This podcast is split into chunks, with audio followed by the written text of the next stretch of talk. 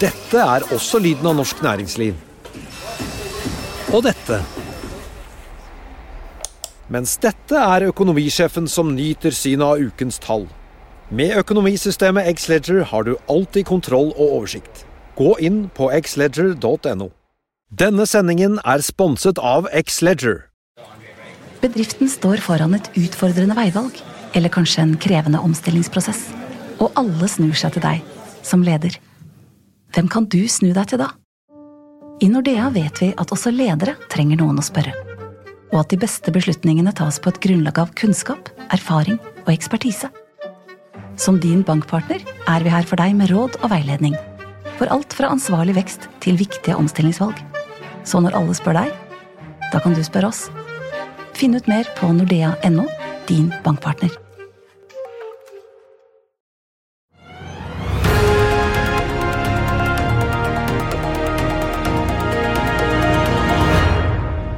Dagens gjest, eh, og får vi si hans kollegaer, spår en julehandel på 133 milliarder kroner i år. En verdiøkning på 3% som tilsvarer også da 12 500 kroner på hver og en av oss. Så det er ikke rart julehandelen er viktig, men hvordan ser den ut mot fjoråret, da, Bernt Happeland, administrerende direktør i Virke? Velkommen.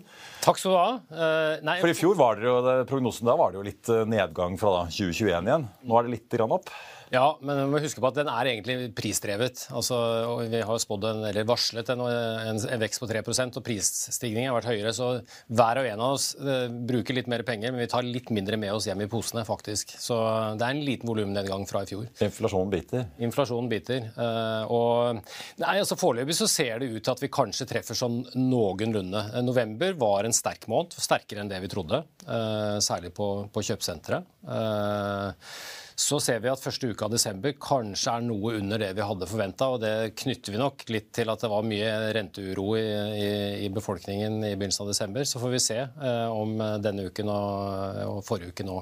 Ja, for Når er det dere på en måte vet om prognosen treffer? Hvor langt mot julaften må dere følge dere ja, ja, må vel, har en slags fasit? Vi, vi, må vel passere julaften før vi kan komme opp med, med fasit. Men, men, eh, vi må ha en styrking i forhold til eh, våre antakelser i, i forrige uke og denne uka hvis vi skal komme i mål med 3% fordi den, den renteuroen og den renteoppgangen oppsettelsen som vi, vi så, har nok eh, virka litt sterkere inn enn det vi hadde forventet. Vi satt jo her eh, forrige mandag Trygg, og diskuterte Norges Bank og rentemøte.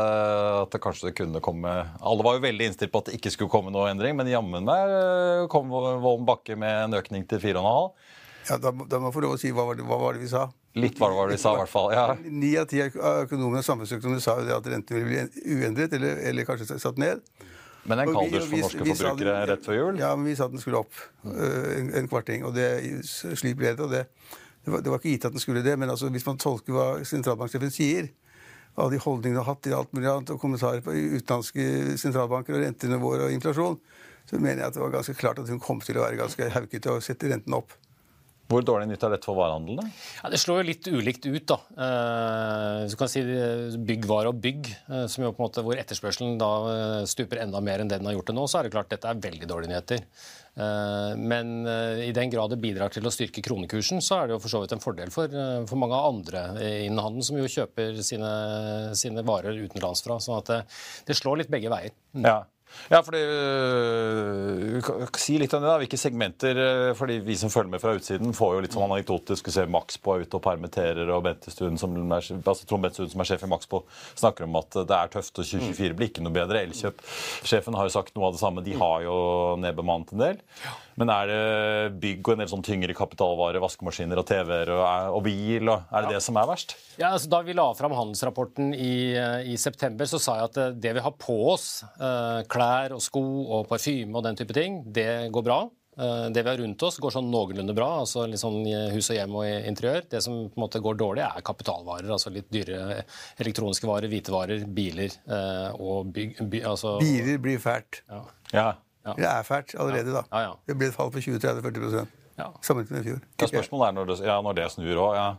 Så det, så, så, det er, så det er helt klart den delen av bransjen som har eh, litt dyrere kapitalvarer, de eh, har hatt det tøft og, og, og, og, vil få det tøffere.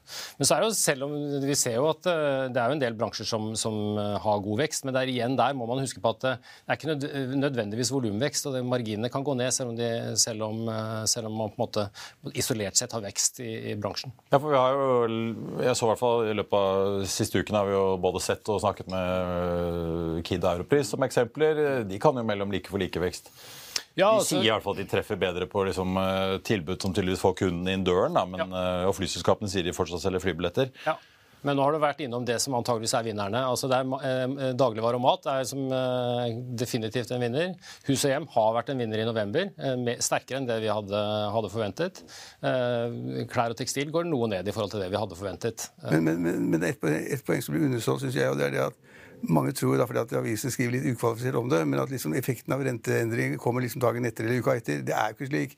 Altså, I forskningen så lurer man liksom på om effekten av en sånn renteøkning som vi hadde, da, en kvarting opp, kommer effekten etter seks måneder eller ni måneder etter tolv måneder. Så langt frem i tid snakker man om, men man er ikke helt sikker på hvilke effekter det er. Så vi, man kan i hvert fall si det at renteøkningen nå den bidrar til en man får uro eller manglende kjøpsaktivitet. Tre, seks, tolv måneder frem i tid, og da snakker vi hele 2024.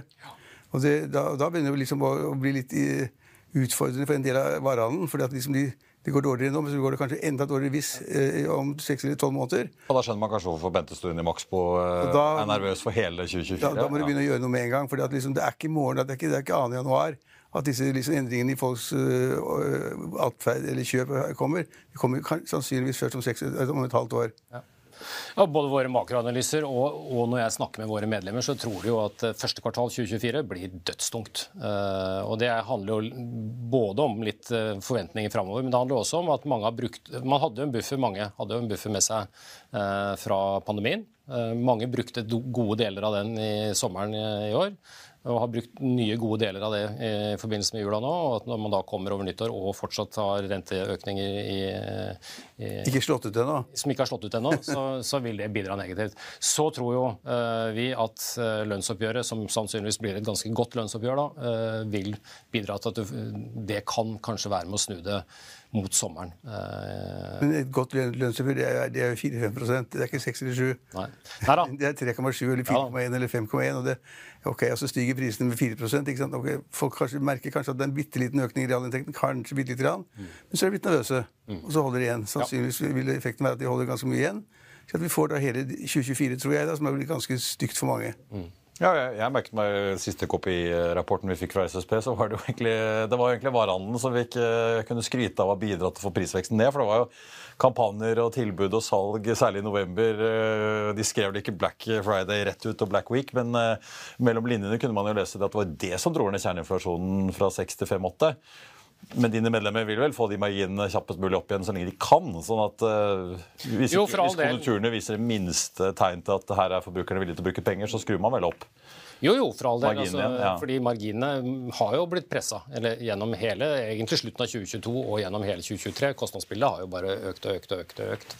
Eh, og bufferne, I likhet med bufferne for, for uh, oss som forbrukere, så begynner jo bufferne for en del av disse uh, virksomhetene også å tømmes. Så det er klart at 24, 20, så julehandelen nå er kjempeviktig for veldig mange. Det, er, det kan være et være eller ikke være for, for, en del. Og 2024 blir også veldig krevende, som, som Trygve Egnar sier. This podcast is brought to you by eHarmony, the dating app to find someone you can be yourself with. Why doesn't eHarmony allow copy and paste in first messages? Because you are unique, and your conversations should reflect that. eHarmony wants you to find someone who will get you. How are you going to know who gets you? If people send you the same generic conversation starters, they message everyone else. Conversations that actually help you get to know each other. Imagine that. Get who gets you on eHarmony. Sign up today. Dette er også lyden av norsk næringsliv. Og dette. Mens dette er økonomisjefen som nyter synet av ukens tall. Med økonomisystemet Xledger har du alltid kontroll og oversikt.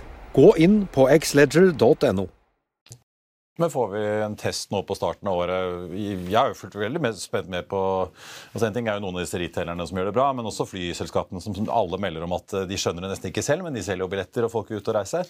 Men kommer testen nå på hva forbrukeren egentlig sitter på og er villig til å bruke av penger i januar? Når julen er over, som mange kanskje prioriterer, og man har prioritert noen reiser i høst. Ja. Ja, Men er det nå vi får testen, liksom? Ja, vi tror det. Og så tror jeg at vi vil se at nettopp det at nå prioriterer vi veldig tydelig. Jul er noe vi prioriterer som nordmenn. Reiser er noe vi prioriterer som nordmenn. Men det betyr at det er en del andre ting som vi ikke, kan, ikke lenger har råd til, eller ikke lenger finner oss råd til. Det, og det tror vi kommer til å slå ut i første men, men en del av de reisene som man får, ser nå, da, de er jo bestilt for to, tre, fire måneder siden. Mm.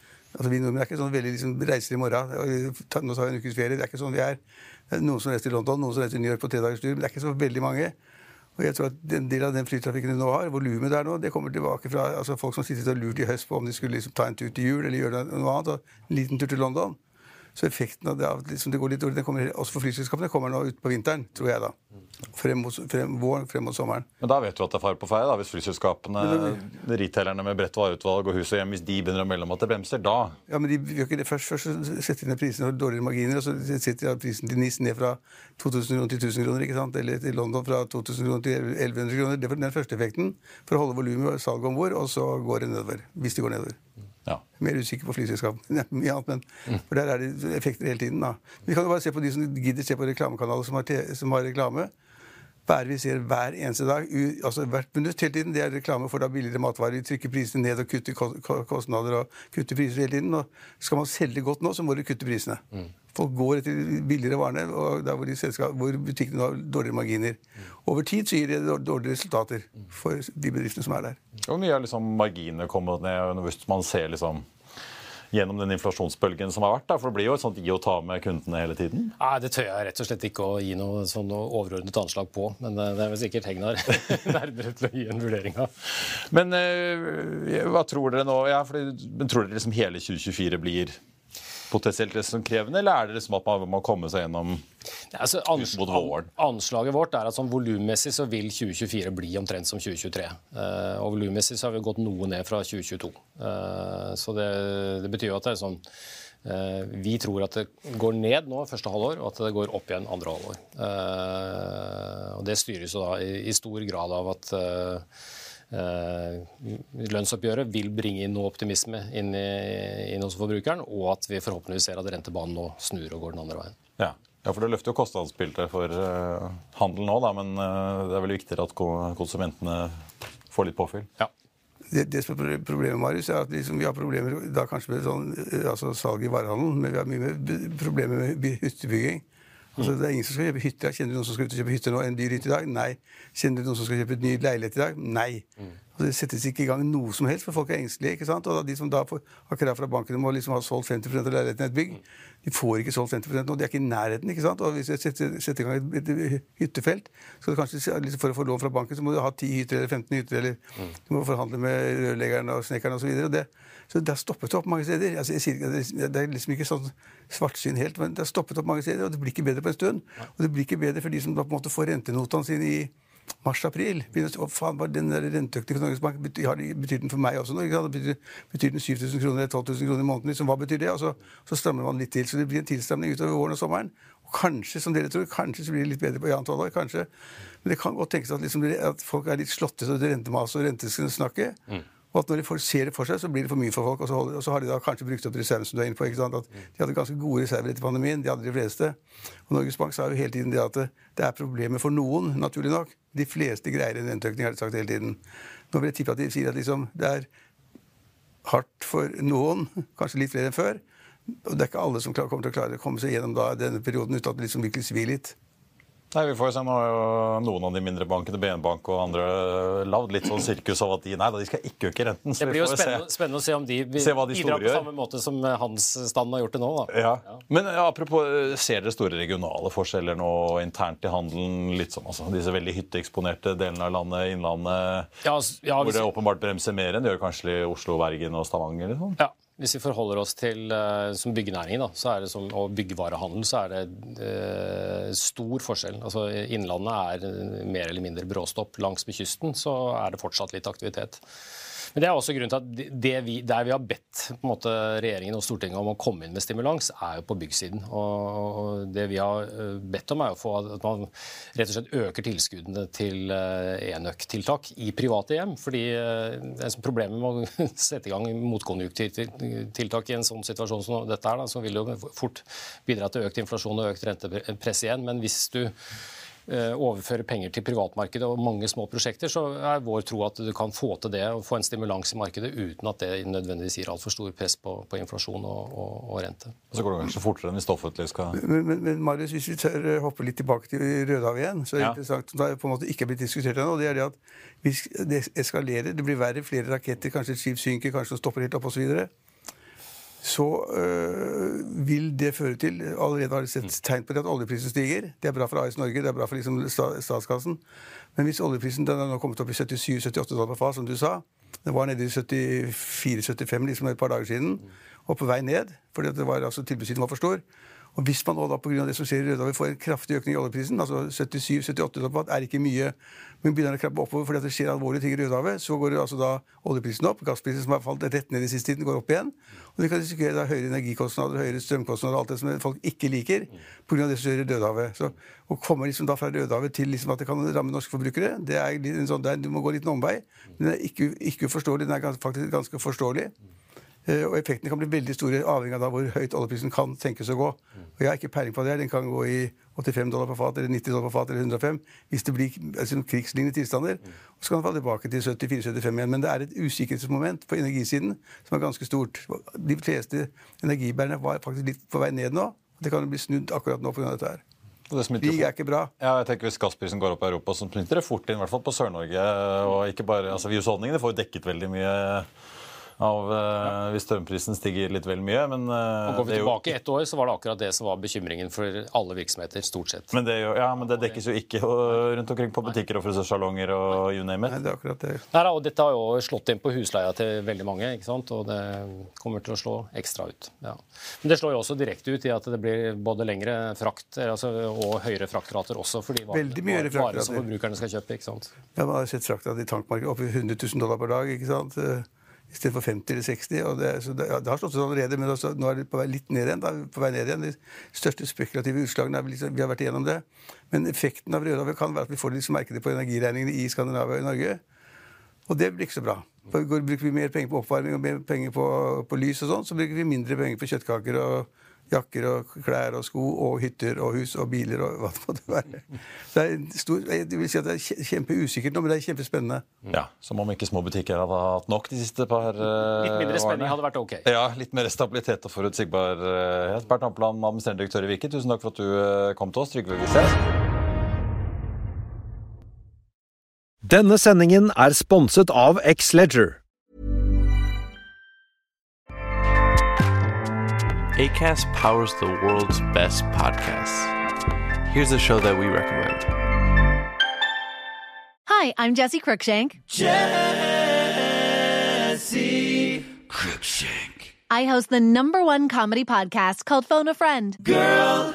Let's phone a friend. Not only do I break down the biggest stories in pop culture with guests like Dan Levy and members of InSync, I do it with my own personal boy band singing jingles throughout. Because it's my show. It's your show, girl. New episodes of Phone a Friend. Yeah. Drop Thursdays wherever you get your podcasts. So work it, girl. Yeah, work it. Okay, that's enough.